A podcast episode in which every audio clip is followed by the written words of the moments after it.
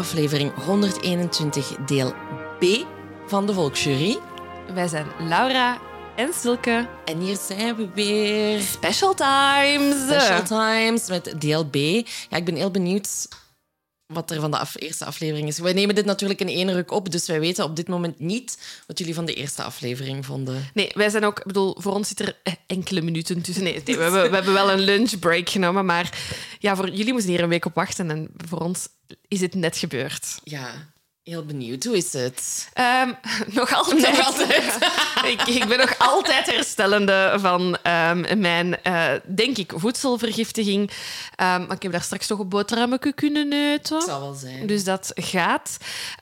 Gewoon dat jullie dit weten, wij nemen dit midden september op. Eh, dus ik ga nu over een TikTok-trend spreken, die waarschijnlijk over een maand mega gedateerd gaat zijn.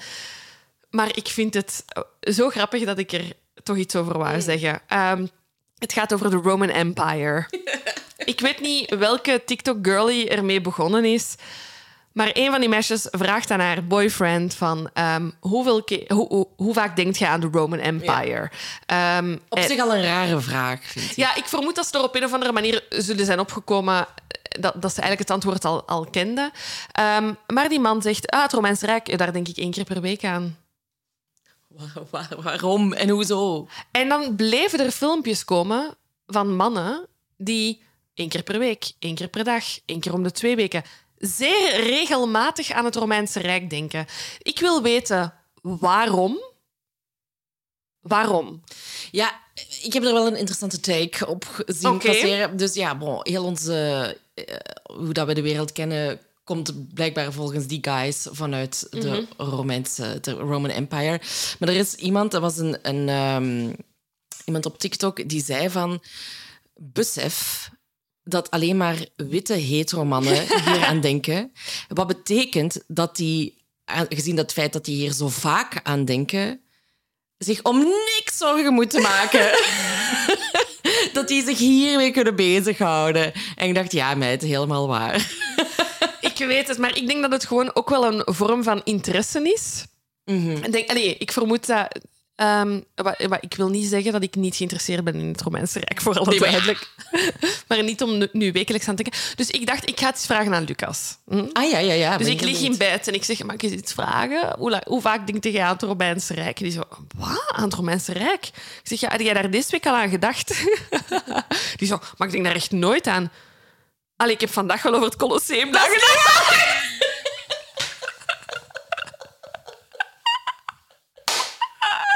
Ehm, en dan vroeg ik, en hoe allee, is- was dit eenmalig? En hij, hij zei wel dat het wel al lang geleden was dat hij nog over iets anders van het Romeinse Rijk had nagedacht. Maar misschien dat het zo ook gaat. Snap je? Want in, als ik het zo ruim bekijk, kan ik wel soms naar gebouwen kijken en daaraan denken. Of aan eten denken en daaraan... Ja, maar dat is dan toch niet alleen maar de Roman Empire? Maar misschien... Ik weet niet of die mannen het zo ruim zien. Hè. Ik vraag het mij af. Snap je? Aan welk Hmm. deel denk je juist dan? Ja, ik vind dat ook een heel fascinerende Ja. eh, trend. En dan proberen ze dus het, eh, hetzelfde te vinden voor vrouwen. Eh, en de suggesties die kwamen waren wel dingen waar ik heel vaak aan dacht. Zoals? Gekidnapt worden. Ah ja, ja, ja daar denk ik. dat is één keer per week. Ja, ja. Voilà. Ja, maar dat is uit onze veiligheid. Uit, allee, snap je zo van. Ja. eh, terwijl, wat haalt je uit over nadenken over het Romeinse Rijk? Ja, wel, maar dus dat weet ik niet. Ik vind het jammer dat ze niet doorvragen. Snap je? Het gaat het over... Rijden zij over een brug en denken ze... "Hm, dat is uitgevonden door de... Eh, Hoe ver gaat dit? Of zo. Ja, heel speciaal. Heel fascinerend. En ik heb mij wel voorgenomen om ook meer over het Romeinse Rijk na te denken. Oké, Ik denk, het kan... Misschien leidt het tot nieuwe inzichten. deel ze dan alstublieft. Ja, maar ik kom, ben voorlopig nog niet super ver geraakt. Oké. Wel al veel aan Gladiator gedacht in mijn poging tot. En gedacht, oh, die film moet ik nog eens kijken. Hoe is het voor de rest met u? Heb jij nog een leuk verhaaltje om deze special op te vrolijken? Ehm, wel, ik ben eh, sinds eh, een week, of eigenlijk nog niet, sinds een paar dagen, de trotse eigenaar van een nachtbeugel. Oké, puber. Ja, maar ja, zo voelt het. Zo voelt het. Ik heb, ik heb zo blokjes gehad toen ik eh 12 was. En dan hebben ze zo draadjes geplaatst. En liegen dat die orthodonten doen. Want die zeggen allemaal, ja, je moet dat tot je twintigste dragen. En dan halen we dat eruit. Bibi is 32, hè. En ik zit nog steeds met mentaal, metaal in mijn bek. dus, bon. Eh, maar ik kreeg steeds meer issues met die draadjes. Dus ik dacht, ik heb het gehad.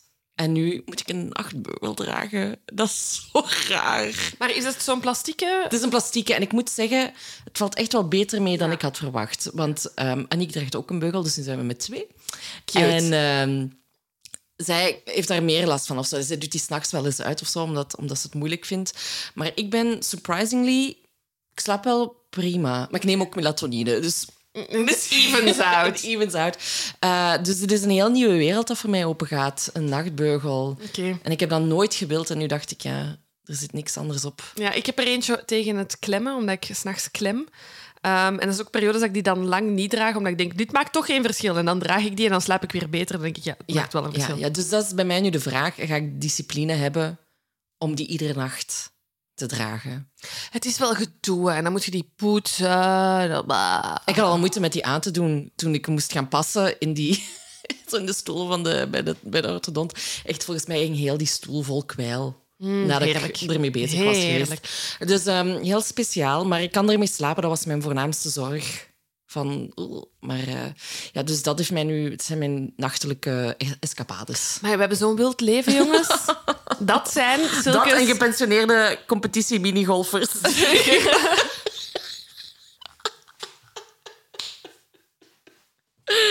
Welcome to my life. Heel goed. Voilà. Heel dus goed. voor de rest niks meer te melden. Heb je nog een tip? Eh, nee. Voorlopig niet, nee. Ik, ben, eh, ik, ja, ik heb al mijn tijd hierin gestoken. Ja, ik ook. Ehm, dus de tipjes komen vanaf november. En dan moeten we het toch nog even hebben over het podcastfestival, hè? ja, jullie zullen het misschien al hebben gezien op de socials. Maar de Volksjury breidt eenmalig uit van twee leden naar drie. Met een special guest, niemand minder dan... Pommelites! Oh, jongens, jullie willen niet weten. Het ding is, er werd aan ons gevraagd: doe iets, willen jullie iets doen op het podcastfestival? En wij waren weer zo: ja, maar we willen geen live show doen. Nee, nee, nee. en, we hebben geen op het- gewone aflevering. We hebben het het op Nerdland ook leuk gedaan met verschillende gasten, maar we voelden het zo allemaal niet. En dan kwamen we op het geniale idee van, wat als we gewoon een aflevering, een verhaal brengen, maar we doen het met een special guest. Ja, en helemaal bovenaan onze lijst Oh, van echt. namen. Echt ver bovenaan stond Pommelien. En die heeft gewoon ja gezegd. Die heeft ja Oh gezegd. Echt superleuk, Pommelien. Ja, als je luistert, dank je wel om dit te doen. Ja, Echt, dus, het is nu eh, al... Laura zei het in de voor... Allee, een paar afleveringen terug. Het is een klein eikpuntje in de geschiedenis van de volksjury. Dat kan nu bij deze wel bevestigd worden. Absoluut. Dus als je nog geen tickets hebt, je kan gewoon een toegangsticket kopen. Wij spelen zaterdag samen met Pommelien fucking Thijs, jongens. Niet te doen. Ah, kijk er zwaar naar uit. Ik ook. Oké, dus hopelijk tot dan. En ehm, koop je tickets en eh, kom op tijd. Prima. Dan nog een... eh, Sponsortje, die hebben we wel. En dat is eh, weer eh HelloFresh. Ehm, wij zijn het jaar daarmee gestart. Heel aangenaam. En normaal kies ik gewoon wat aan mij aanstaat. Maar in eh, de periode toelopend naar deze special had ik ook zoiets van... Ja, leuk, die HelloFresh, ik moet al niet meer koken, maar hoe kan ik hier nog optimaler eh, in zijn? En ik heb ontdekt dat er heel veel recepten zijn die onder de 15 minuten, 15, 25 minuten klaar eh, gemaakt te zijn. Dat zijn de quick and easy recepten. En ik moet zeggen, dat is wel zeer fijn. dat is goed, hè. Ik baseer mij ook altijd op eh, hoe lang het duurt Ah ja, om te wel. koken. Ik had dat nog, niet? nee, ik had dat nog nooit gedaan. Ik was echt ook gewoon zo, ah ja, dat ziet er lekker uit en dat. En nu ehm, heb ik daar zo eens naar gekeken. En dat is wel zeer aangenaam, want je wint tijd dat je niet naar de winkel gaat, maar dan staat er ook nog maar eens 15 minuutjes in de keuken. Wel, bij mij zit er minstens één recept tussen dat Ja. zo een quickie is. Ja, heel aangenaam, heel fijn. Ehm 16 recepten per week dat je kunt kiezen, dus dat is meer dan voldoende Ja, ja, ja, keuze. absoluut. Ja, vind ik wel leuk. Dat is een, een nieuwe ontdekking in het gamma. Maar er is zoveel te Vorige ontdekken. week al meal prepping, nu dit. Ja, You're a vorige- changed woman. Voor het weet bestel ik die zonde van HelloFresh dat ze gewoon het eten in mijn bloed spuiten. Nee, Ehm, nee, nee maar ik moet zeggen, eh, ik blijf nieuwe dingen ontdekken op HelloFresh eh, die mijn leven makkelijker maken. En daar ben ik dankbaar voor. Wil jij dat ook ontdekken en ook dankbaar zijn, zoals Laura? Dan kan dat, want wij hebben nog steeds onze kortingscode HelloJury85. En daarmee kan je tot wel 85 euro besparen op je eerste vier boxen, zowel voor oude en nieuwe HelloFreshers, als je meer dan één jaar geleden je lidmaatschap hebt opgezegd. Hello Jury, 85 is de code. Hoe? Alright, mannetjes, hier gaan we. De special deel B. Ehm, iets waar dat we daar straks tijdens de lunch even ehm, op zijn gestruikeld, wat dat we eh, jullie nog niet hebben verteld, is ehm, voor, fun, voor funsies hadden die Russen een andere kalender dan ons. Dat is misschien belangrijk om even te vermelden. Ehm, dus we hebben oude stijl en nieuwe stijl. Het gaat hier over een verschil van een kleine twee weken. Maar dus data uh, volgens ons uh, West-Europees systeem, die liggen vroeger. Uh, oei, oei, oei, zeg ik het nu juist? Wacht, hè. Nee, wij zijn later. Dus wij zijn die... Ah ja, juist, zo is het. Want de grap is met die oktoberrevolutie... Die dat is eigenlijk een novemberrevolutie. Voor ons, Ja, maar voor hen niet. Dus ehm, weet dat wij deze research hebben gedaan ehm, en dat wij waarschijnlijk, waarschijnlijk die data door elkaar hebben gebruikt. Maar dus er zit soms een verschil van twee weken op. Maar Eh, ça va, daar kunnen we mee leven. Hè? Sorry aan alle geschiedenismensen. Again, once again, we're very sorry. Als iemand ook kan zeggen waarom dat die per se een andere kalender wouden, laat het weten. Want ik snap het probleem niet. Doe gewoon één kalender. You do you. Nee, ik vind, doe één kalender. Ik vind, doe één ehm, systeem met kilogrammen. Ja, maar dat is, dat is de VS. Hè? En rij allemaal aan dezelfde kant van de weg. Ik vraag niet veel, maar gewoon dat. We regelen dat. We gaan dat regelen. Dank u wel. Dus we zijn de vorige aflevering geëindigd met de tsaar, de nieuwe tsaar Niki. Mhm. We hebben de zieke Alexei. En we gaan daar nu even terug wat meer in. Ja. We gaan even zeggen ehm, wat dat de context is van Rusland Ja. vanaf zo ongeveer 1904. Ja, hoe dat die eerste jaren van Niki als tsaar op Ja. politiek vlak eigenlijk ehm, zijn verlopen. Ja, dus eh, we weten nog allemaal dat Niki in paniek was toen hij tsaar werd. Ehm, ik weet eigenlijk niet wat dat vorige aflevering gezegd Allee, we wisten, hij, hij was 26 Hij was en er hij niet wist- klaar voor. En En, hij heeft- kwam van wereldreis. Ja, voilà. En hij heeft blijkbaar toen ook gezegd... ehm, ik, wil, ik wil geen tsaar worden, ik weet niets over het vak van regeren. Dus dat zegt hij vlak voordat hij de troon moet eh, bestijgen. Dus great, great, Great. start. Dus Niki II is onervaren. Dus zijn officiële naam is Nicolaas II. the way. Niki is onervaren. Ehm, maar desalniettemin heeft hij wel een duidelijke regeringsvisie. Alle macht is hem toebekomen. Dus er is, kan geen sprake zijn van democratie, autocratie. It is. Ehm, want ondertussen in Europa kennen velen een constitutionele monarchie. Maar mm, in Rusland gaan we niet doen.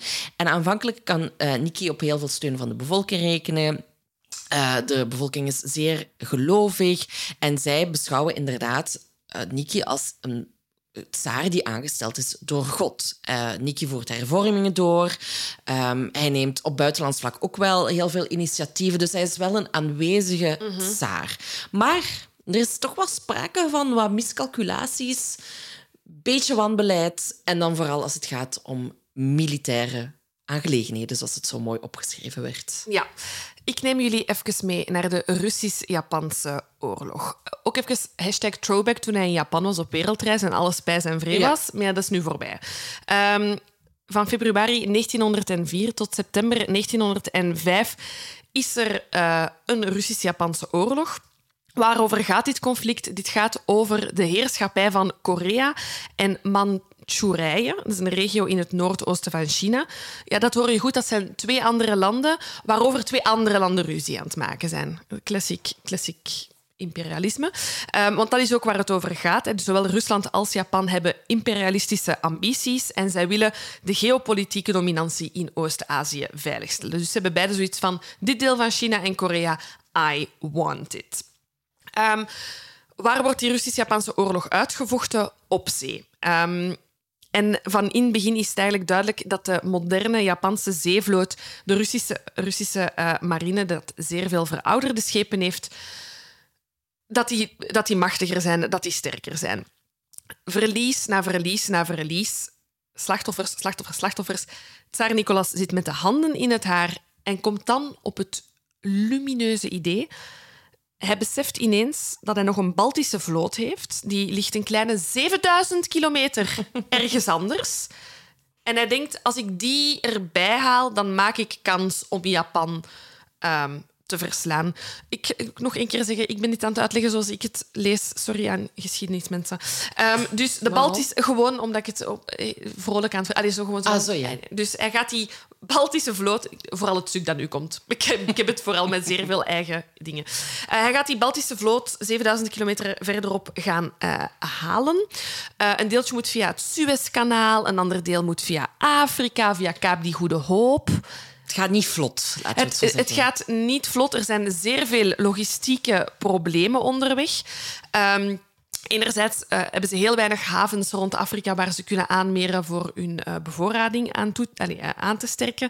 Ehm, en en daarbovenop kruisen ze heel veel vissersschepen die ze niet herkennen. Dat zijn schepen van de Britten of van de Fransen.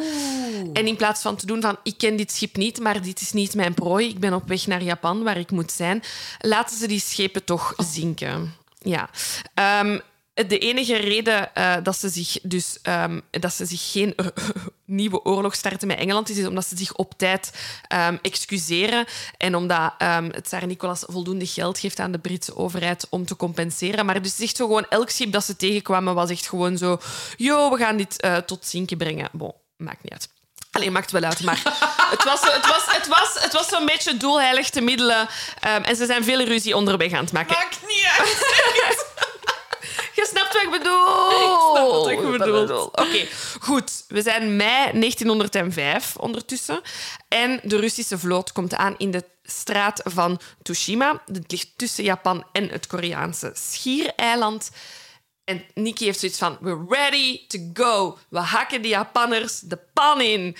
Maar twee dagen later hakken de Japanse marine de Russen de pan in.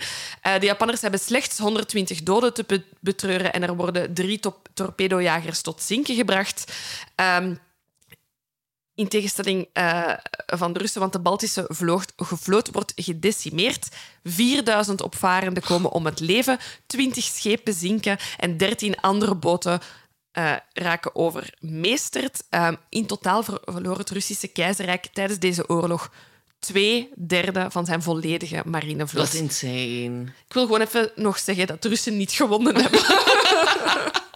Maakt niet uit. Conclusie. Nikki heeft een foute keuze gemaakt. Maar vooral, die oorlog heeft meer dan een jaar geduurd. Meer dan een jaar kon de bevolking zien hoe hij de ene slechte beslissing na de andere nam. En thuis ging het ook niet supergoed, hè?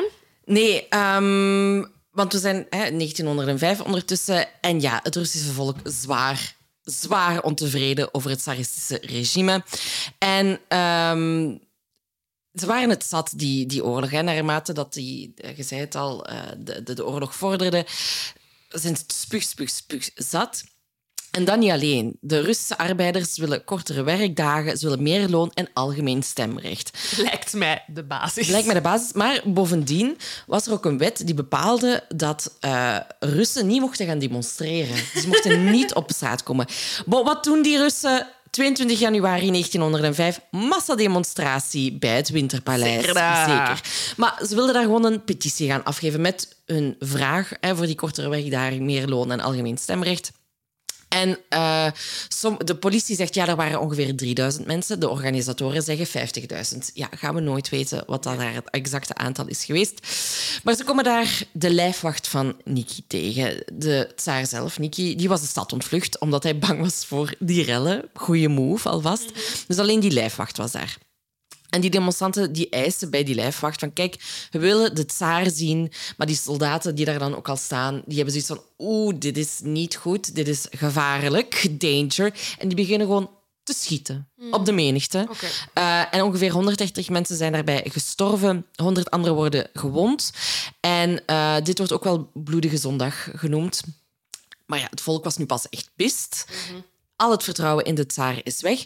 Maar hij had wel niet de opdracht gegeven om te schieten. Het was niet zijn Het schuld. was zegt niet zijn Ja. Maar bon, deze gebeurtenis is voor heel veel Russen een shock. Ja, want zij beschouwden, hè, de tsaar is aangesteld door God. De tsaar ontfermt zich over zijn volk, ziet dat alles goed gaat.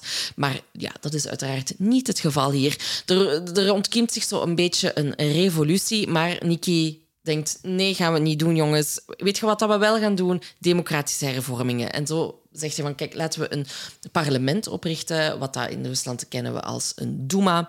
En vanaf nu is Rusland dus geen autocratie meer, vanaf 1905, maar samen met de regering regeert Nicolas II over het land. Dus dat is wel major hervorming. Ja. Dat is dus de context, hè, 1904, 1905, waarin onze Alexei geboren was. Hè. We zijn daar vorige aflevering mee geëindigd. Opluchting, want na, vijf, eh, na vier dochters verschijnt er een zoon. Hè, hij werd geboren op 12 augustus 1904. Ehm, wat kan ik nog over ehm, Alexei eh, vertellen? Weetjes die jullie nog niet weten. Ehm, hij wordt vernoemd naar Alexis eh, van Rusland. Dat was Niki zijn favoriete keizer. Ah, kijk eens aan. Ehm, en in zijn familie noemden ze hem liefkozend baby. Oh, baby. Ja, heel schattig. Hij werd gedoopt, eh, onze Alexei, op 3 september 1904 in het paleis Petershof. Omdat Rusland op dat moment in oorlog was met Japan, werden alle soldaten en officieren van het Ru- Russische leger en van de marine tot erepeetvaders benoemd. They didn't ask for it.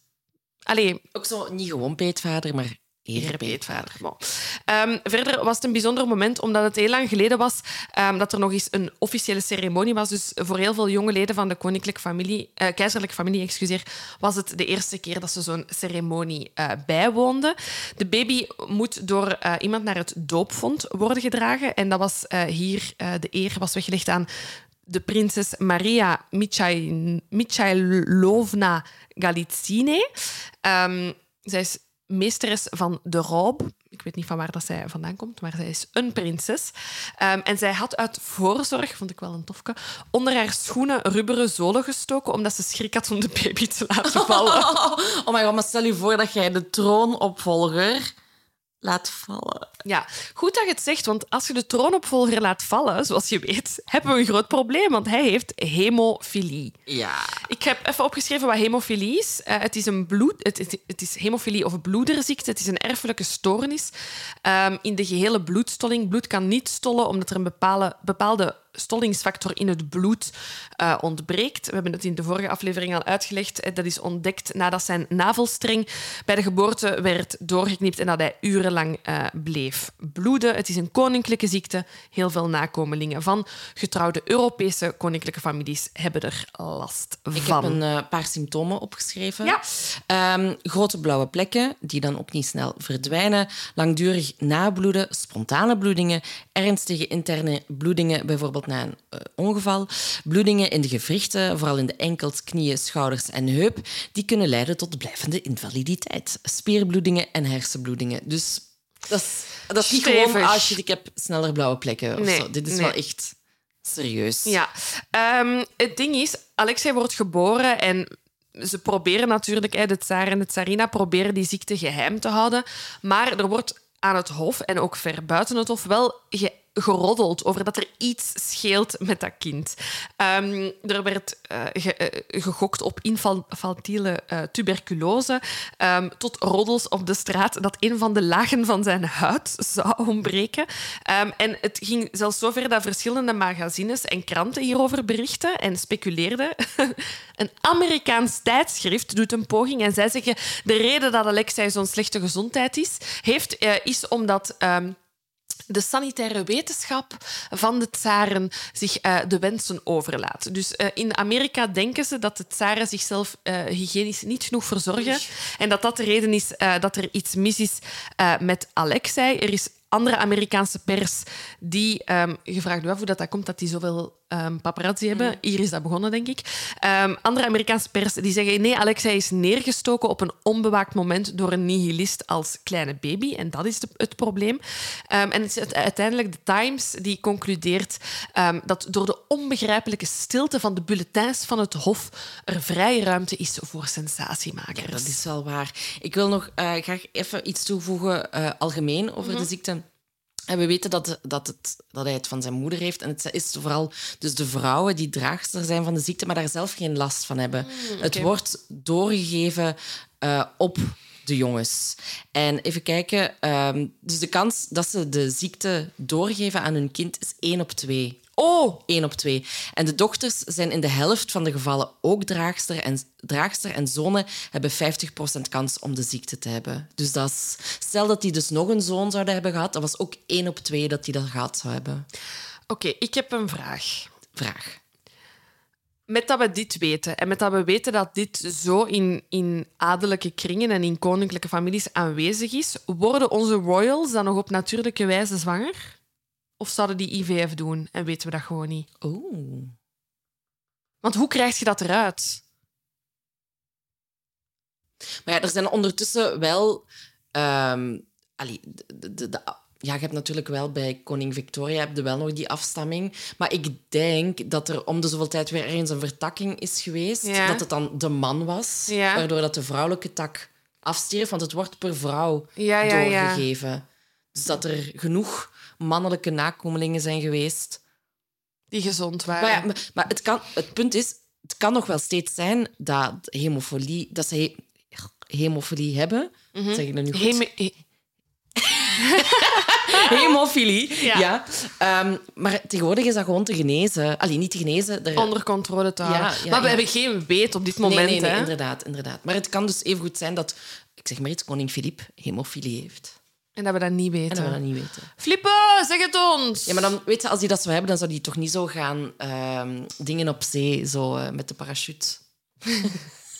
is, dat, is dat het beeld van koning Filip dat jij hebt? Ja, toch wel. Ja. toch wel. Dat was Hoe wel een hele goede video. Dat was wel een hele... Wakeboarden heeft hij gedaan, ja. Ja, dat was wel een goede video. Dat was wel een van mijn favorietjes. Amai, toen is het bij mij toch wel weer Een beetje gestegen. een beetje gestegen. Oké, maar als iemand het antwoord weet hoe dat ze de hemofilie uit de koninklijke bloedlijnen hebben gekregen, Maar ik denk dus niet dat het eruit is ge- gegaan. dat we het gewoon niet meer weten. En dat ze het kunnen verzorgen. Oké.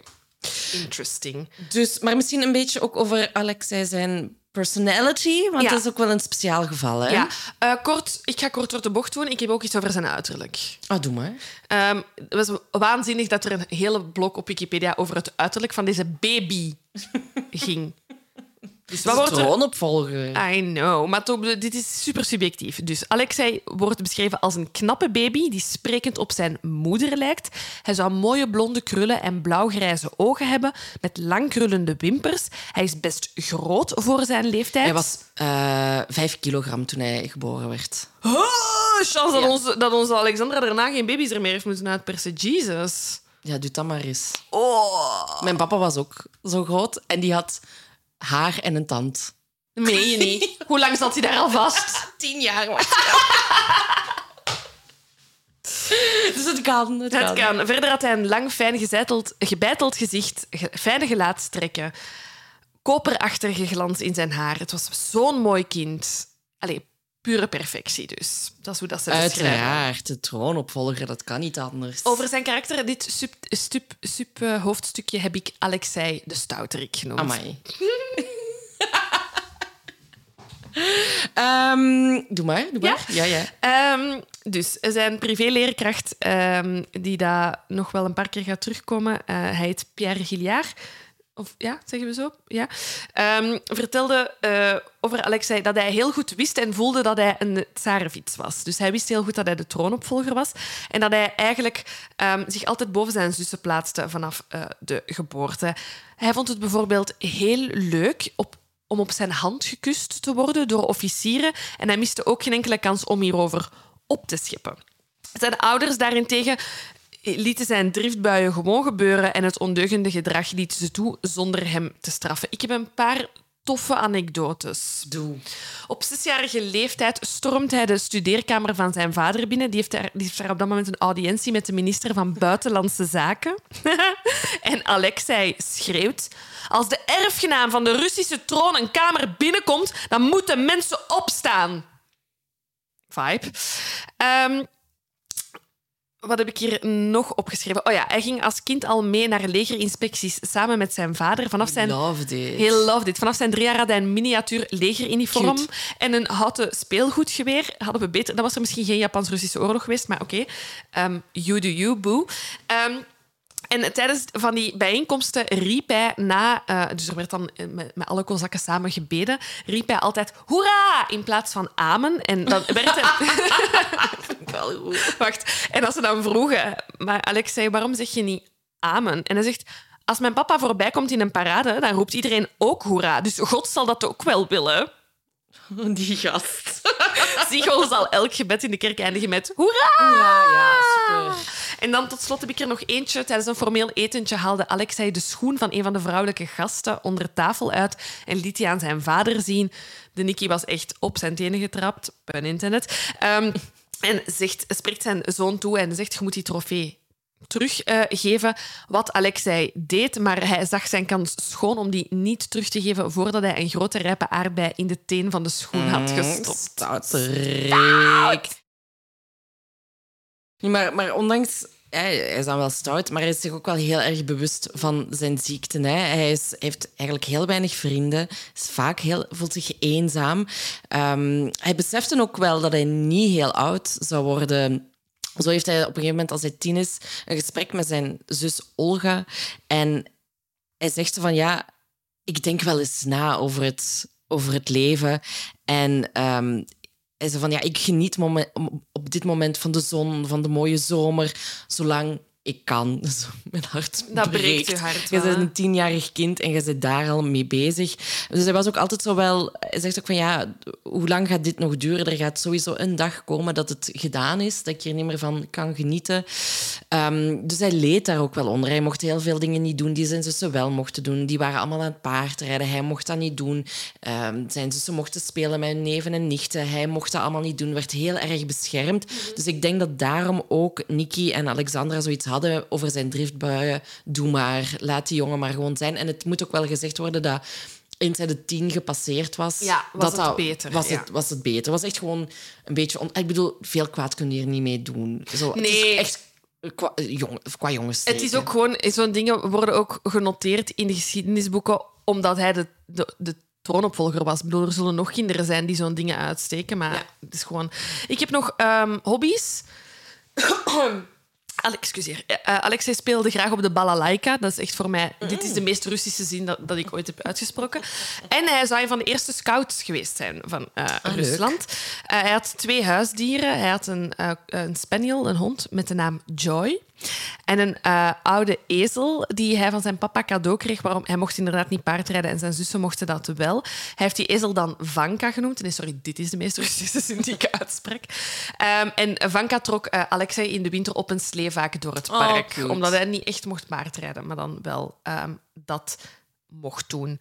Um, om te leven met die hemofilie uh, heb ik nog opgeschreven dat hij vanaf zijn vijf twee matrozen toegewezen krijgt, krijgt eigenlijk die hem voortdurend... Ja, die worden eigenlijk zijn lijfwachten. Die mm. moeten hem uh, uh, opvolgen.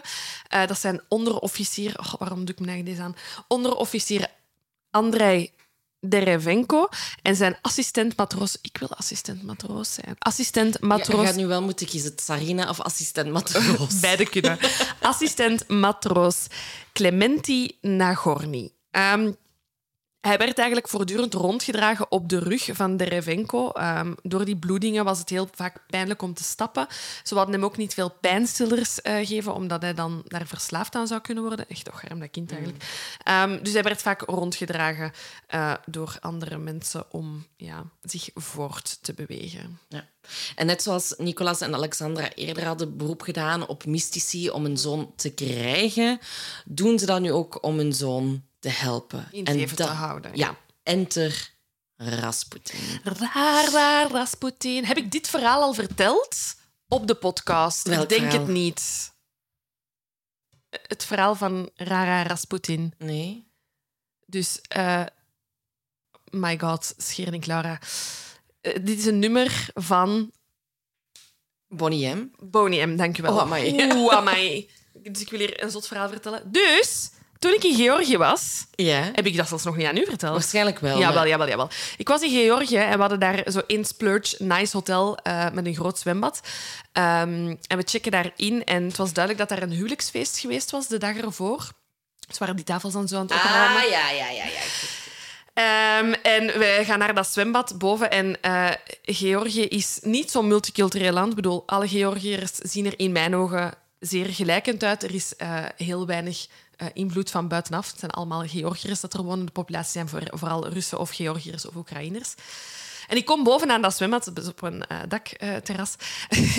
en ik zie um, vijf, zestal uh, Afro-Amerikanen. Dat werd meteen duidelijk aan het uh, geluid, dat ze, het geluid, aan de stem. Uh, en um, ze hadden ook allemaal uh, shirts aan van Amerikaanse basketbalploegen. Ze waren zeer groot. Het was zeer duidelijk dat dat geen Georgiërs waren.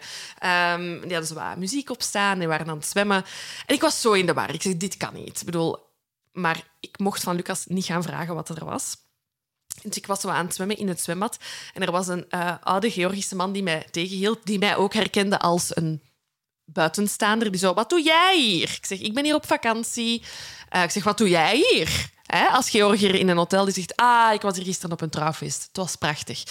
Die mensen daar, en hij wijst dus naar die, uh, die groep, en ik denk, oh my god, ja, nu moet ik het zelf niet meer gaan vragen. Weet je wie dat, dat zijn? Ik zeg, nee, dat weet ik niet. Dat is Bonnie M. Die hebben hier gisteren opgetreden op het huwelijksfeest. Ik zeg, ah, Bonnie M. Ja, ken je die? Die zingen van raar, Zo goed. Dus ik heb Bonnie M gezien. Ik heb gezwommen met Bonnie M. Zalig. Niet voilà. tegengesproken uiteindelijk. Ja, nee. Ik had echt zoiets van... You do you, guys. Jullie hebben gisteren geperformed. Relax. Oké, okay, dat okay. was het. Rasputin. Ja, dus uh, Russia's Greatest Love Machine komt uit een boerenfamilie. Laat je wel even kunnen aankomen. dat zijn bijnamen, jongens. Wisten jullie dat? Russia's Greatest... Dat wordt helemaal duidelijk waarom straks komt dus uit een boerenfamilie uit het district Tjumen in West-Siberië. We weten daar dat het daar koud is niet aangenaam. en niet aangenaam is.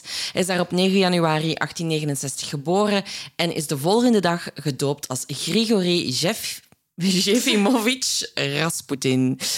Um, nu, er bestaan bestaat eigenlijk heel veel twijfel over hoe dat zijn jeugd eruit heeft gezien. Wordt beschreven echt als een zwart gat, waar dat we bijna niks van over weten.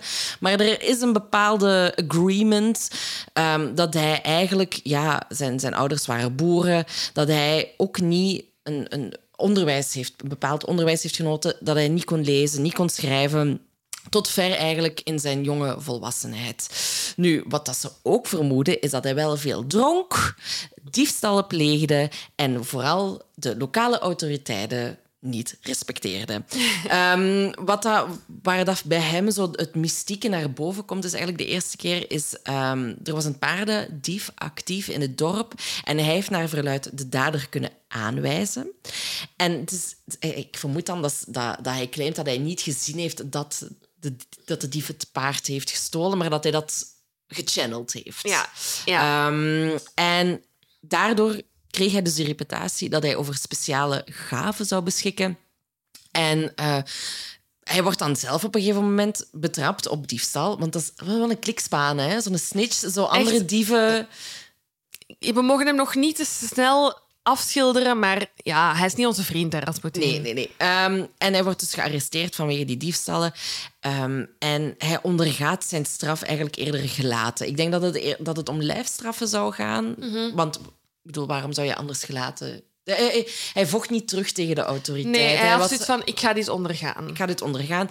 En daarin zagen mensen het bewijs van een soort van lijden. Van, hij is ja, iemand van God die die het allemaal maar ondergaat. Desondanks, opnieuw, er zou nog veel gedronken worden, losbandig leven. Um, hij zijn, zijn dorpsgenoten noemden hem een dwaas. Hij had blijkbaar een onverzadigbaar libido, veel interesse in jonge meisjes. Ja, raar figuur. Raar figuur. Um, 2 februari 1887 trouwt hij dan toch met een van die vrouwen um, op 18-jarige leeftijd. Uh, haar naam is Parashkeva Fyodorovna Dubrovina. Dubrovnina, ja. Uh, ze krijgen samen vijf kinderen. Twee sterven op vrij jonge leeftijd. Um, er is een volkstelling, de eerste volkstelling in uh, Rusland uh, in 1897. Uh, en zo komen we te weten dat het echtpaar op dat moment bij de ouders van Gregory, dus van onze Rasputin... Gaan we hem Rasputin, Rasputin blijven? Van Rasputin... Um, inwonen eigenlijk. Dus dat, dat, ze zeker niet het geld hebben voor een eigen woning. Um, we weten dat hij heeft gewerkt als boer en visser en uh, voerman. Maar daar had hem het. Allee, hij had zoiets van: dit kan toch niet het, het leven, zijn. Dus op 28-jarige leeftijd is hij aan het rondreizen. Ik, eh, ook, uh, dat huwelijk wordt vermeld, die kinderen worden vermeld en dan horen we daar niks meer van. Nee. Dus hij is nu 28 jaar. Hij zou 10 jaar getrouwd moeten zijn. En hij is op reis. En daar uh, ontmoet hij een student die aan het seminarie uh, studeert. En die spoort hem aan om toch ook eens te kijken naar het geloof en wat dat, dat geloof voor hem kan uh, betekenen. Um, Rasputin vindt niet direct zijn goesting waar hij daar is. Hij gaat naar nabijgelegen kloosters. Ook daar vindt hem niet direct terug wat dat hij wilt. Maar um, daar wordt wel voor de eerste keer melding gemaakt dat hij visioenen krijgt en dat er regelmatig terugkerende visioenen zijn. Bon, zijn nieuwe persoonlijkheid uh, sluit steeds minder aan bij het dorp waar hij vandaan komt. En hij heeft zoiets van: ik moet de wijde wereld ingaan. Ik ga op pelgrimstocht. En de eerste pelgrimstocht die hij onderneemt, brengt hem naar het Sint-Nicolaas-klooster van Ver... Verciotor. Ik heb het niet eens Oké, okay, het, het Sint-Nicolaas-klooster, waar de relieken werden bewaard van de heilige Simeon. Het is een bedevaartsoord waar zieken genezing kunnen vinden. En nog voor hij dat klooster binnengaat, ontmoet hij buiten Makari, een kluisenaar. Um, en die gaat eigenlijk een beetje zijn geestelijke vader en voorbeeld worden. Gregory moet dus geen monnik worden, moet dus niet aansluiten bij het klooster. Hij vindt een nieuwe idee dat hij kan uitwerken en dat is pelgrim worden. In 1900 beslist hij dus om... Oh, ik wil nog gewoon even zeggen dat het daar wel is dat hij wel leert schrijven en lezen. Dus oh, dat, doet het dan wel? Daar leert hij dat wel. En uh, hij wordt ook um, vegetarisch. Hij, ah, ja, ja, ja. Um, hij drinkt geen alcohol meer en hij begint veel meer te bidden en uh, zo uh, godsdienstige gezangen op te voeren. Bekeert zich. Ja. Rond 1900 beslist hij dan om zijn gezin te verlaten. Ik denk dat hij dat eigenlijk al... maar ze blijven wel getrouwd. Ja, ja maar ja. Zo, hij verlaat zijn gezin om, om te gaan reizen. Dat heeft hij net al gedaan, maar ja, ja, hij doet dat nog eens. um, maar deze keer um, noemt hij zichzelf een strannik. En dat is een um, pelgrim. En het is eigenlijk... ja, in het Nederlands noemen ze het een heilige zwerver. Wat betekent, je gaat uh, geruild je boerenbestaan om een nomadenleven te leiden. Je reist rond. Um, je leeft van aalmoezen, je hebt amper kleren aan, blootvoets, je legt duizenden kilometers af. Je denkt, wauw, speciaal. Blijkbaar niet, want rond 1900 zouden er een miljoen heilige, heilige zwervers in het Russische Rijk hebben rondgedoold. Ze leggen duizenden kilometers af. Rasputin zou dit bestaan acht jaar hebben volgehouden. Um, en het is in deze uh, periode dat hij heel veel mensen ontmoet die zijn opmerkelijk vermogen om mensen te lezen beamen. Dus hij ontmoet heel veel mensen. Ah ja, hij is veel onderweg. En al die mensen hebben zoiets van... Ja, ja, ja, ja, ja. Hij is echt supergoed in het lezen van je gedachten. Top. Um, hij krijgt dan ondertussen ook een kleine kring van volgelingen, als het ware. En... Um, er wordt een soort van kapel gebouwd, terug in het dorp, denk ik, van waar dat hij afkomstig is. En daar houden ze zo wat geheime gebedsbijeenkomsten. En ja, natuurlijk, niet iedereen is daar even blij mee. Er is achterdocht, vijandigheid, vooral van de dorpspriester uiteraard, want die is not happy. Die voelt zich bedreigd. Die is not happy. Maar het gerucht ging ook, ja, die geruchtenmolen weer op volle toeren, um, dat de vrouwelijke volgelingen van Rasputin um, hem eigenlijk voor elke bijeenkomst ceremonieel gingen wassen. Wassen tussen aanhalingstekens. Mm. En um, ze zongen, zouden vreemde liederen gezongen hebben. En het gerucht ging dat Rasputin zich zou hebben aangesloten bij de Kilisti. Dat zou een religieuze secte geweest zijn die ja, nogal aan zelfkastijding deden en seksuele orgieën. Maar, side note, dat kan niet bevestigd worden van die, dat hem zich daarbij heeft aangesloten. Ja. Um die, die geheime secte, de Klisti, is... Uh, ik vind hun visie wel zeer interessant. Mm -hmm. Want ze zeggen, um, als je seksueel een losbandig leven leidt, um, dan stelt je je eigenlijk voortdurend op de proef. En zo gaat je dichter bij God komen. Dus je moet extreem onkatholiek gedrag vertonen en dan kom je dichter bij God. Ik denk dat we dat allemaal aan het doen zijn momenteel. Ik denk dat we allemaal klistie zijn geworden. Ja, ja, ja voilà. Nu, ondertussen begint Rasputin zijn reputatie wel zo... Ja, doet de ronde, gaat buiten Siberië, die reputatie. Hij is... Eh, kijk, in 2023 zou Rasputin op dit moment een micro-influencer zijn. Ja, of een nano-influencer. Ik weet niet... Ik weet niet hoeveel volgers. Hij heeft nog niet echt superveel volgers. Nee, maar ze zijn er al wel. Ze zijn er, ja. Um, nu, in, ergens rond 1904, 1905, we weten, Russisch-Japanse oorlog. Uh, Alexei wordt geboren. Dan is hij op dat moment onderweg naar de stad Kazan. En daar krijgt hij de reputatie van een wijze starets. Hè? Dus van een wijs man die kon helpen bij het oplossen van bepaalde crisissen, vooral spirituele uiteraard. Mensen die angstig waren, kon hij helpen. Ondanks de geruchten dat hij dus seks had met zijn vrouwelijke volgelingen waren religieuze leiders, lokaal dan, wel impressed. Zo van, hm, dat is wel knap wat dat die man allemaal kan. Die kan nog allemaal. Ja, dus die lokale religieuze leiders die schrijven voor hem een aanbevelingsbrief. Um, en die pakt hij mee op zijn reis naar Sint-Petersburg. Dus we komen dichter in de buurt. Hij is onderweg naar de hoofdstad. Ja, en daar regelen ze voor hem dat hij daar in een klooster kan verblijven of een klooster kan bezoeken. In dat klooster, ook very impressed. En de leider daar, die contacteert dan de welgestelde bewoners van Sint-Petersburg. En zo wordt Rasputin eigenlijk geïntroduceerd bij de rijkere families. En Rasputin krijgt meer en meer volgers. Volgers die geld en invloed hebben. En hoe komt dat? Omdat um, de aristocratie van Sint-Petersburg op dat moment was heel erg geïnteresseerd in alternatieve religieuze stromingen, zoals het spiritualisme, al voordat Rasputin daar arriveerde. Omdat ze gewoon, die willen nieuwe prikkels krijgen, als het ware. Hè. Ze waren ah. nieuwsgierig naar het occulte en het bovennatuurlijke. En, en als ik het goed heb, was dat iets wat dat een fenomeen dat zich over ook in de westerse wereld zich voordeed. Ik heb dit al gezegd, ik ga het nog eens zeggen. Dit is echt mijn the turn of the century. It's my favorite time. Mensen werden waanzinnig. Die, die industriële groei is zo groot. Mensen zoeken, blijven prikkels zoeken. De dingen dat er toen gebeurden waren crazy. Maar ik bedoel, Ouija-borden, het oproepen van geesten, uh, de duivel aanbieden. Dat zijn allemaal dingen die toen echt mega groot worden. En inderdaad, vooral in die rijke... Um, society, die hebben geld, die kunnen geld uitgeven aan zo'n spirituele avonden. Ik bedoel, er werden mummies uitgepakt het, kon niet op. Dus ook die Russische aristocratie heeft zoiets van... Oeh, jij kunt speciale dingen, kom naar ons. Ja, dus ze waren daar zeer nieuwsgierig naar. Maar het feit dat hij ook van Rusland was, sprak in zijn voordeel. Hè? Want tot dan toe waren de mystici... bijvoorbeeld onze Philippe van aflevering 1, ja, die kwam uit Frankrijk. Ja. ja, die heeft natuurlijk niet de directe link. Dus dat was voor veel mensen wel een doorslaggevende factor bij Rasputin. Dus meneer Rasputin, bevriend met de verschillende leden van de aristocratie in Rusland, waaronder ook de zwarte prinsessen Militsa en Anastasia van Montenegro. En dat zijn ook de zussen die in eerste instantie um, Philippe hebben doorverwezen, denk ik, naar uh, Alexandra en Niki.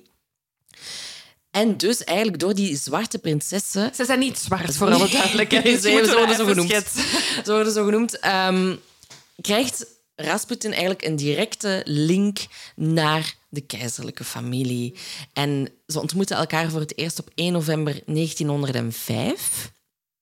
En het feit is, op dat moment, ze hadden Philippe wel teruggestuurd naar Frankrijk, weten we nog. En nadat hij verkeerd had voorspeld dat Alexandra zwanger was.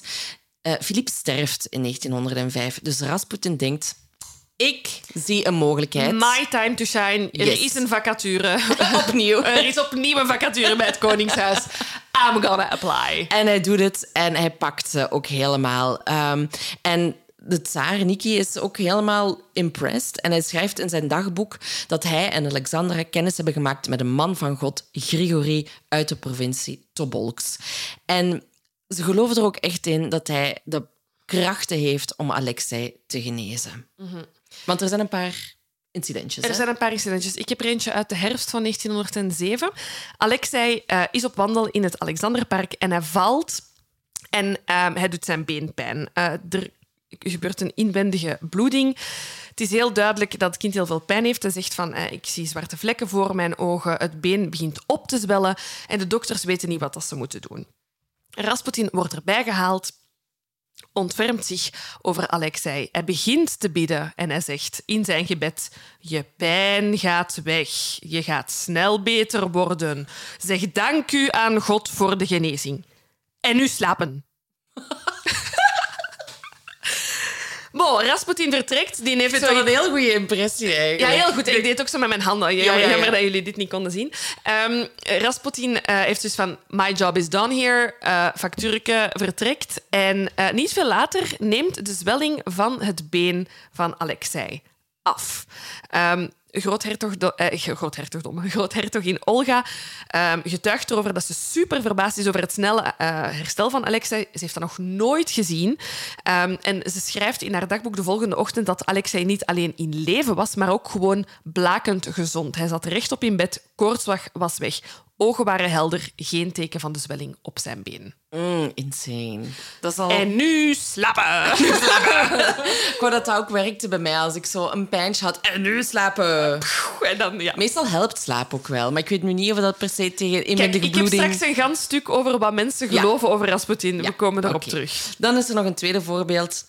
Dat vindt plaats in de zomer van 1912, dus vijf jaar later. Ja, ondertussen zal Rasputin ook nog wel geholpen hebben, maar dit zijn twee concrete voorbeelden. Um, krijgt Alexei een bloeding aan zijn dijbeen en zijn lies nadat een koetsrit nogal hobbelig was. Um, en uh, dat veroorzaakte dus een grote bloeduitstorting aan zijn dijbeen en zijn lies. En hij leed zoveel pijn dat het zelfs al leek dat hij echt ging sterven. Het was echt een randje van de dood. En tuurde en tuurde en tuurde. Elf dagen lang. Ja, en ja, Alexandra was de wanhoop nabij. Die stuurt een telegram naar Rasputin, die op dat moment in Siberië was. Dus ja, die kan daar niet snel komen. Uh, en zij vraagt van ja, please bid voor Alexei. Ook please. Please. please. SVP. en Rasputin schrijft terug en die zegt, kijk...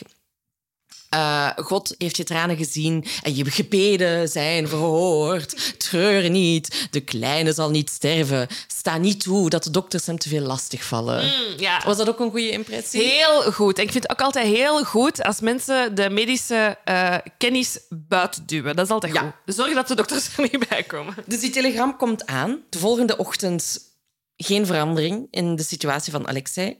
Maar Alexandra was wel zo van... Oké, maar ik heb dat bericht gehad. Het, allez, she calms down. Mhm. Want die was hysterisch natuurlijk. Alle wanhopen erbij. En ze kreeg weer enige hoop dat uh, haar zoon alles zou overleven. En oh, de dag erna, die bloeding stopt. En eigenlijk vanuit medisch oogpunt is dat herstel onverklaarbaar. Ja, het is zo dat op dat moment er een bulletin werd klaargemaakt met de aankondiging van zijn dood. Ze waren dat al aan het preppen om in de krant te publiceren, maar ze zijn er dus ja, net op tijd uh, bij. Ik heb dus een klein stukje geschreven over uh, onze slimme tovenaar, zoals hmm. sommige mensen uh, hem noemen, en wat dat er nu juist mogelijk zou zijn. Hè? Je hebt enerzijds heel veel mensen...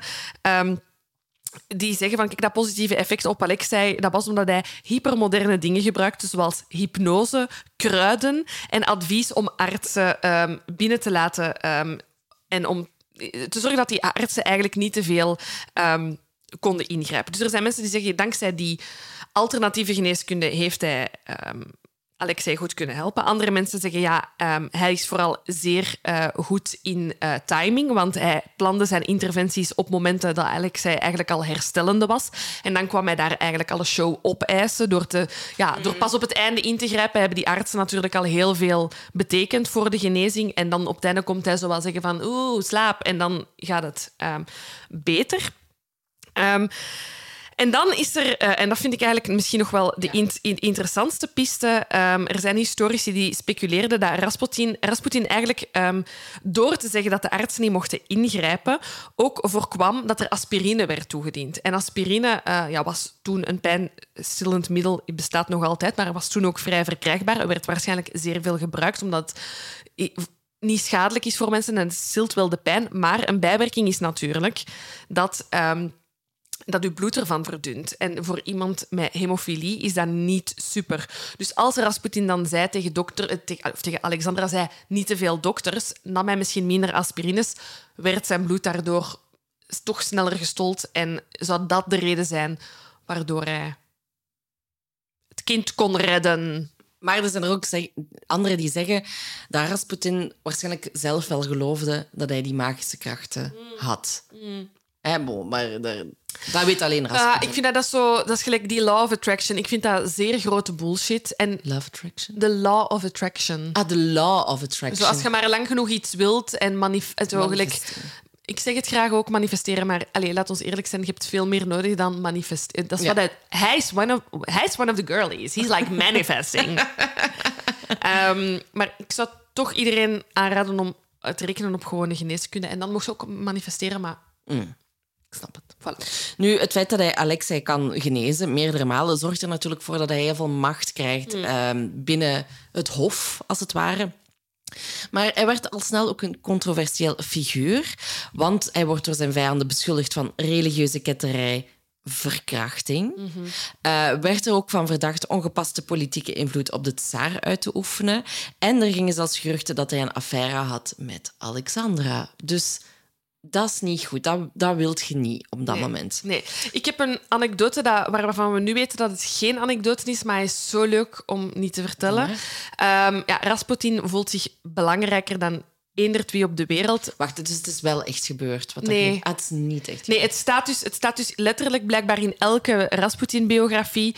Ehm, maar ze, ze zijn er vrij zeker van dat het niet waar is. Ehm, dus hij voelt zich groter dan God. Hij was ooit gestopt met vlees eten, met alcohol te drinken, met snoep te eten, met heel veel te bidden. Eenmaal in Sint-Petersburg is die alcohol snel terug in zijn leven gekomen en hij werd dus heel vaak in het uitgaansleven aangetroffen. En zo is er een anekdote dat in het voorjaar van 1915 hij straalbezopen in een restaurant in Moskou, wat hij daar deed, geen idee, op de tafel zou zijn eh, geklommen en hij zou zijn penis hebben bovengehaald om tegen het publiek te vertellen dat dit het geheim is op zijn invloed op, op de tsarina. Waarmee hij dus letterlijk zijn affaire Ja. met haar zou bekennen. Ehm, dus nu wordt er eh, achteraf is gezegd van ja, dit is eh, niet, Niet gebeurd. niet gebeurd. Maar het zou wel kunnen. Het had Het, zomaar... het had zomaar gekund. Het ding is dat het er, had kunnen gebeuren. het had kunnen gebeuren. Er is gewoon nooit echt bewijs van die ja, relatie tussen Alexandra en Rasputin. En jongens, echt, ik, we gaan foto's posten van die man. Ik wil, ja, bleh, ik wil, er, ik wil er niet mee in één kamer zijn. Nee. Heel vies ventje. Nu, ondertussen dat allemaal dan gaande is, hè, Rasputin werd steeds een controversiëler figuur, begint er in 1914 ook iets op het Echt? wereldtoneel. Wat? Eh, dames en heren, de Eerste Wereldoorlog. Ehm, Bam! nu, ja, Oost... Wacht, hè. eh Oost... Ooster... Dit is de special in de special. Een heel wereldoorlog heen uitgelegd. Nu, Oostenrijk-Hongarije verklaart in de zomer van 1914 aan Servië de oorlog. Hè, want kroonprins Frans Ferdinand is vermoord. En Rusland is een bondgenoot van Servië. Dus die komen uiteraard te hulp, waardoor dat ze mee de oorlog verklaren aan Oostenrijk-Hongarije. Ik hoop dat dit so far goed is. Is dit juist? Nu, ehm, wie goed geteld heeft, dit is inderdaad de tweede keer in nog geen tien jaar dat eh Nikki ten oorlog gaat. Ja. En eh, op veel grotere schaal deze keer. Het is niet Rusland tegen Japan. Nee, dit is Rusland tegen veel rijken. Ehm, en bovendien blijkt het leger daar ook helemaal niet klaar voor te zijn, voor zo'n wereldconflict. Want Rusland was aan het begin van de 20e eeuw nog redelijk agrarisch, waar andere landen of rijken al de industriële revolutie hadden meegemaakt. Valt dat wat tegen in, eh, in het Russisch Rijk? Eh, mensen leefden nog vooral in kleine dorpen. Echt verstedelijking was er. Ik bedoel, er waren steden, maar niet zoals in andere landen.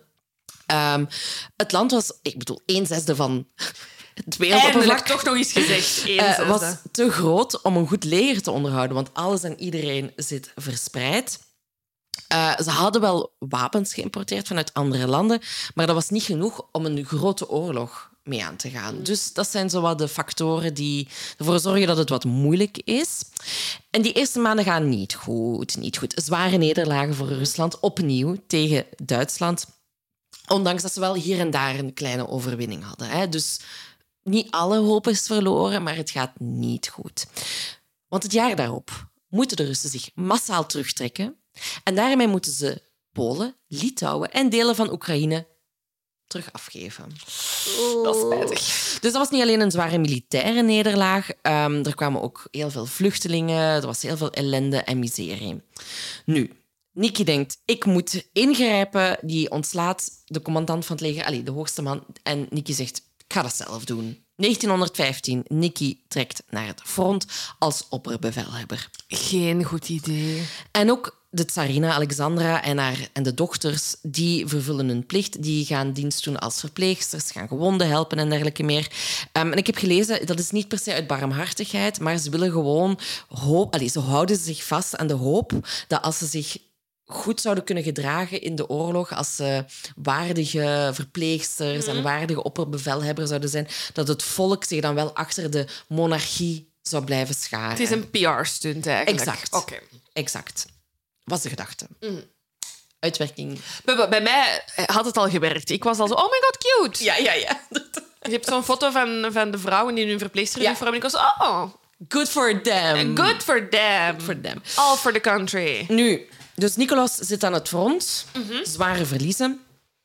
En Alexandra, die zit thuis. Ik bedoel, ze is wel aan het helpen, maar zij regeert als het ware het land op dat moment. Ja, dat is wat je krijgt als je een autocraat bent. En jij moet oorlog voeren, dan moet er iemand je land leiden. Ja, en dat is Alexandra, die op dat moment eigenlijk niet zo populair is, want die heeft Duitse roots. Met wie zijn we in oorlog? Met Duitsland. Ehm, Rasputin zit daar ook aan het hof. Ja, he's not popular either. Die zijn wat kinderen aan het genezen. Ja. Maar ja. Dus, ehm, en Alexandra vind ik heel opmerkelijk. Die sprak ook geen Russisch. Die sprak de taal niet. Dus mensen hebben zoiets van... She's not one of us. Maar Alexandra denkt aan de andere kant ook van... Kijk, ik ben gekozen. En ik heb de goedkeuring van het volk niet nodig om hier te regeren. Dat is niet Ik heb enkel God nodig. dat is niet wat dat je wilt, Alexandra. Eh, met die, ja, dus het gaat niet goed daar aan het Hof ook niet. En er blijven maar verliezen komen eh, in de oorlog. Dat volk is helemaal klaar met de oorlog. De moraal was weg. Veel soldaten waren aan het deserteren. Ze kwamen in opstand.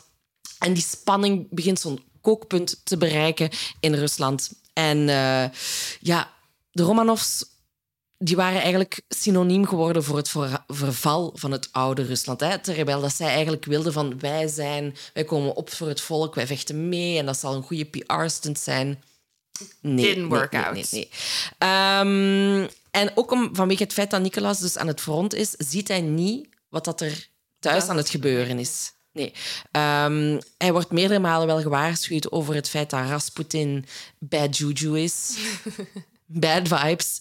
Maar hij trekt zich er eigenlijk niks van aan. Want hij heeft gewoon zoiets van... Hij, Rasputin is Alexandra aan het helpen met Alexei. Dat is een zorg minder voor hem, hè? Voilà. Eh, even kijken wat ik hier nog heb staan. Ehm, dus dat zorgt er eigenlijk allemaal voor dat die autoriteit van de Romanov-familie... Aan het afbrokkelen is. Exact. Ehm, en dan gaan we... Ja, Rasputin, we zeiden het al, is not popular. Nee, en eigenlijk, hij is ehm, niet populair ehm, bij de bevolking, ehm, maar ook los van eh, bij, bij Nikki en Alexandra, bij niemand aan het hof. Hè. Iedereen voelt dat hij een hele zware invloed heeft op de beslissingen die Alexandra maakt, die nu basically de tsaar is. Ehm, dus heel veel mensen, zowel geestelijke ehm, als eh, mensen van adel, als de bevolking, willen Rasputin weg. Dus het moet u niet verbazen dat de pijlen op Rasputin gericht zijn. En een eerste keer dat, dat, eh, dat, dat ze hem eigenlijk bijna kunnen vermoorden, gebeurt in de lente van 1914. Eh, Rasputin is dan samen met zijn vader ehm, op weg van Sint-Petersburg naar zijn hometown. Hij ging daar gaan helpen met de oogst. Ik denk, heeft die gast niks beters te doen? Maar oké. Ehm, hij is... ehm, eh, hij is onderweg naar daar en hij krijgt een telegram. Hij wil daarop eh, reageren. Ehm, en op het moment dat hij onderweg is, op wandel is door dat dorp, stormt er een vrouw op hem af die een dolk in zijn buik steekt. Zijn ingewanden zouden uit zijn buik aan het puilen zijn. Hij valt hevig bloedend neer op de grond. Hij wordt naar binnen gedragen. En ehm, pas eh, na tien uur kwam de dichtstbijzijnde dokter ehm, naar het dorp eh, waar dat hij eh, zat. Ehm, en in het holst van de nacht werd Rasputin dan geopereerd. Ehm, enkele dagen later wordt hij dan per boot naar het ziekenhuis in Tjumen vervoerd voor verdere behandeling. En heel opvallend, de tsaar stuurt zijn eigen lijfarts naar daar om Rasputin genoeg, te helpen. Bon, dat helpt natuurlijk niet voor de opinie van het volk, die zoiets hebben van... really de zogezegd beste dokter ter wereld. Hè. Degene die u mag verzorgen, die gaat Rasputin helpen. De man die wij allemaal weg willen. Maar Rasputin overleeft het. Na zeven weken wordt hij uit het, uit het eh, hospitaal ontslagen en eh, kan hij zijn leven verder leiden. Ik heb nog wat informatie over de dader. Ja, Eh, terwijl dat die vrouw dus dat mes in zijn buik steekt, roept zij: Ik heb de antichrist gedood. Oké. vibe. Ehm, dus, en, en ze steekt hem dan neer. Ja, bon, we weten allemaal dat hij het overleefd heeft. En hij loopt eigenlijk meteen de weg na die aanval. Die vrouw daarachter, door de straten van dat dorp. En ehm, hij heeft haar dan eh, in het gezicht geslagen met een steel. Er heeft zich een groep mensen verzameld rond het gevecht. En ehm, die hebben dan beginnen, zijn dan beginnen roepen, laat haar vermoorden. Maar uiteindelijk heeft ze zich zelf dan overgegeven aan een agent. Ze is terechtgesteld. En eh, die vrouw heette Kionia Guseva. Ze zou een eh, volger geweest zijn van een voormalige priester die geen fan was van Rasputin, of niet meer, alleszins door zijn seksuele escapades. Nu, Kionia verklaart dat ze alleen heeft gehandeld. Ze vond Rasputin een valse profeet. Ehm, maar zowel de politie als Rasputin zijn er eigenlijk van overtuigd dat die priester mee achter die aanval zat. Maar hij is uiteindelijk het land uitgevlucht. Van Kionia wordt gezegd dat ze ja, ze wordt zot verklaard, als het ware. Eh, ze wordt in een, eh, in een instelling gestoken en wordt daar uiteindelijk vrijgelaten. En dan heeft ze nog eens geprobeerd om iemand anders te doden. Ehm, maar wat er dan daarna is gebeurd, weten we niet. Ik denk Siberië. Kleine kans, ja. Alright, en dan is het bij mij 29 december 1916. Dus we zijn mid-wereldoorlog. Je zou denken dat mensen betere dingen te doen hebben. Maar prins Felix Yusupov die heeft zoiets van time for housewarming. Eh, Felix eh Yusupov is een eh, adellijke die het niet hoog op heeft met Rasputin. En die beraamt samen met twee van zijn vrienden, ehm, waaronder, ik ga de familienaam niet uitspreken, maar ultra-rechts Duma-lid Vladimir. En zijn andere vriend, grootvorst Dimitri van Rusland, een volle neef van de tsaar, beramen ze een moordpoging op Rasputin. En ze denken ehm, hem dus te lokken met een housewarming party, waar dat de vrouw van Felix aanwezig zou zijn. Heel raar dat je zegt, kom naar mijn housewarming, mijn vrouw gaat hier ook zijn, dat je daarmee Ja, lokt. iemand lokt, een andere man. Bon, vind ik heel raar. Ja, ze weten dat hij een vrouwenzot was, hè. Ja. Dus Ja. Ze hebben zich zeer goed voorbereid. Hè. Ze hebben een keldervertrek, ze hebben dat helemaal omgebouwd. Ze hebben daar een grammofoon gezet, er wordt muziek gespeeld om echt de indruk te wekken dat het hier gaat om een feest. Ze hebben een arts ingeschakeld, Lazavert, en die heeft een overdosis kaliumcyanide in een gebakje gedaan dat zou geserveerd worden aan Rasputin. Er zat genoeg kaliumcyanide voor een stier te doden in het gebakje. Het gebakje wordt geserveerd, dus Rasputin arriveert, ze hebben het gezellig. Het gebak wordt geserveerd en Rasputin, Rasputin geeft geen kick. Achteraf wordt gedacht dat omwille van het bakken van de cake er bepaalde stoffen Och. zouden uitgeschakeld zijn. Maar dit begint natuurlijk zeer slecht en dit versterkt achteraf natuurlijk het gevoel dat Rasputin onoverwinnelijk zou zijn. Oké. Ze hebben gelukkig een plan B voorzien. Ze hebben nog wat van die kaliumcyanide die ze dan in wijnglazen hebben gedaan. En dat gif begint toch een beetje te werken op Rasputin, maar nog altijd niet zoals gewenst. Felix heeft het gehad, maar die merkt wel dat Rasputin dronken aan het worden is. Dus hij ehm, verlaat de kelderruimte, gaat naar boven, waar mensen eigenlijk aan het wachten zijn op de dood van Rasputin.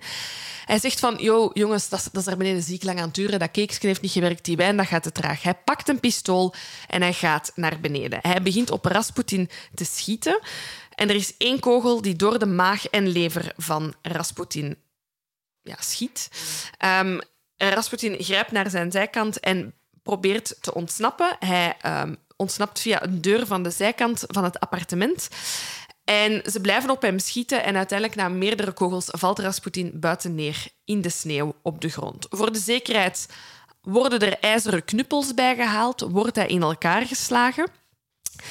Eenmaal binnen beseft eh, een van die mannen van ja, zijn we, zijn we wel zeker? Ik bedoel, we hebben zeker één keer geraakt, we hebben er wat opgeklopt. Zullen we voor de zekerheid nog eens in zijn voorhoofd schieten? Dat doen ze ook.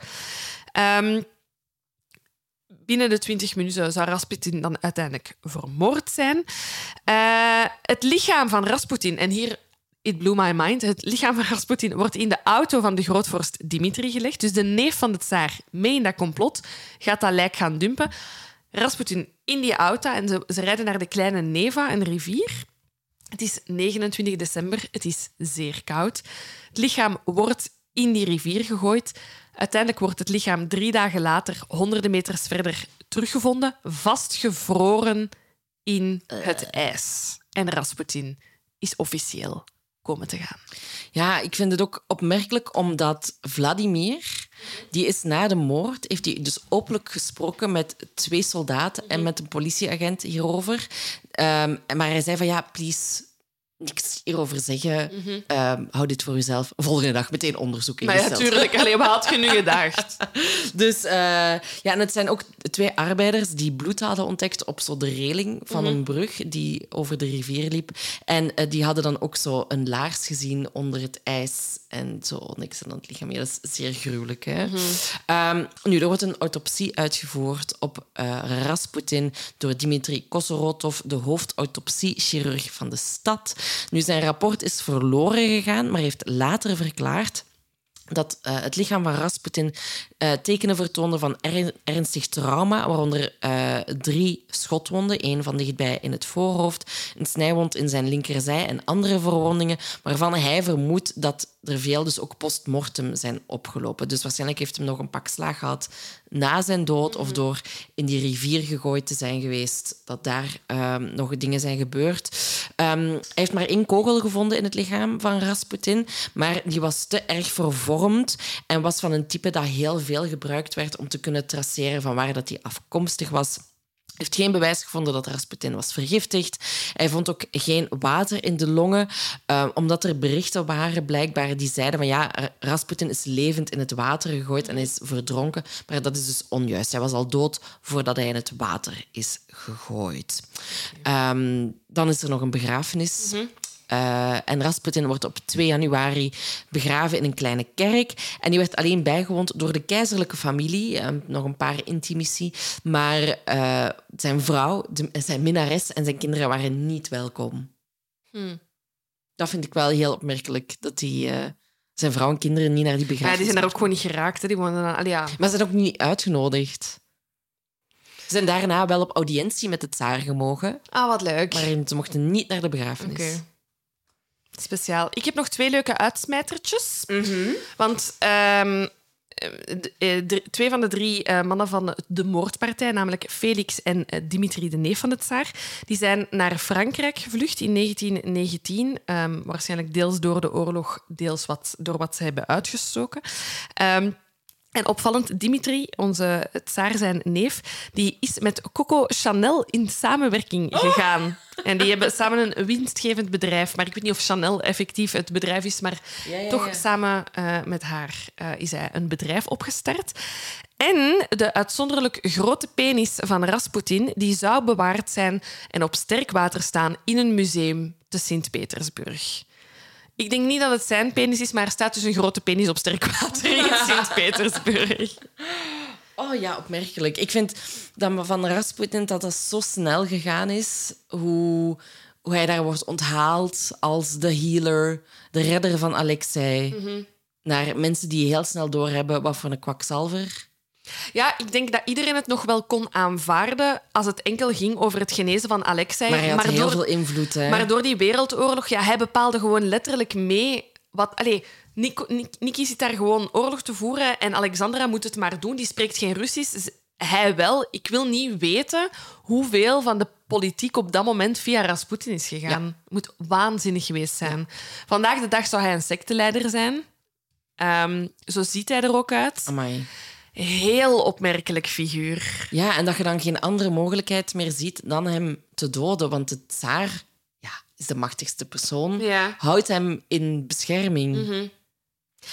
ik, ik, ik heb me wel al afgevraagd hoe had het er nog anders kunnen uitzien als hij nog in leven was geweest. Amai. Hij had nog heel veel kunnen doen. Denk het ook. Maar dat is voor aflevering C. Bye. Bye.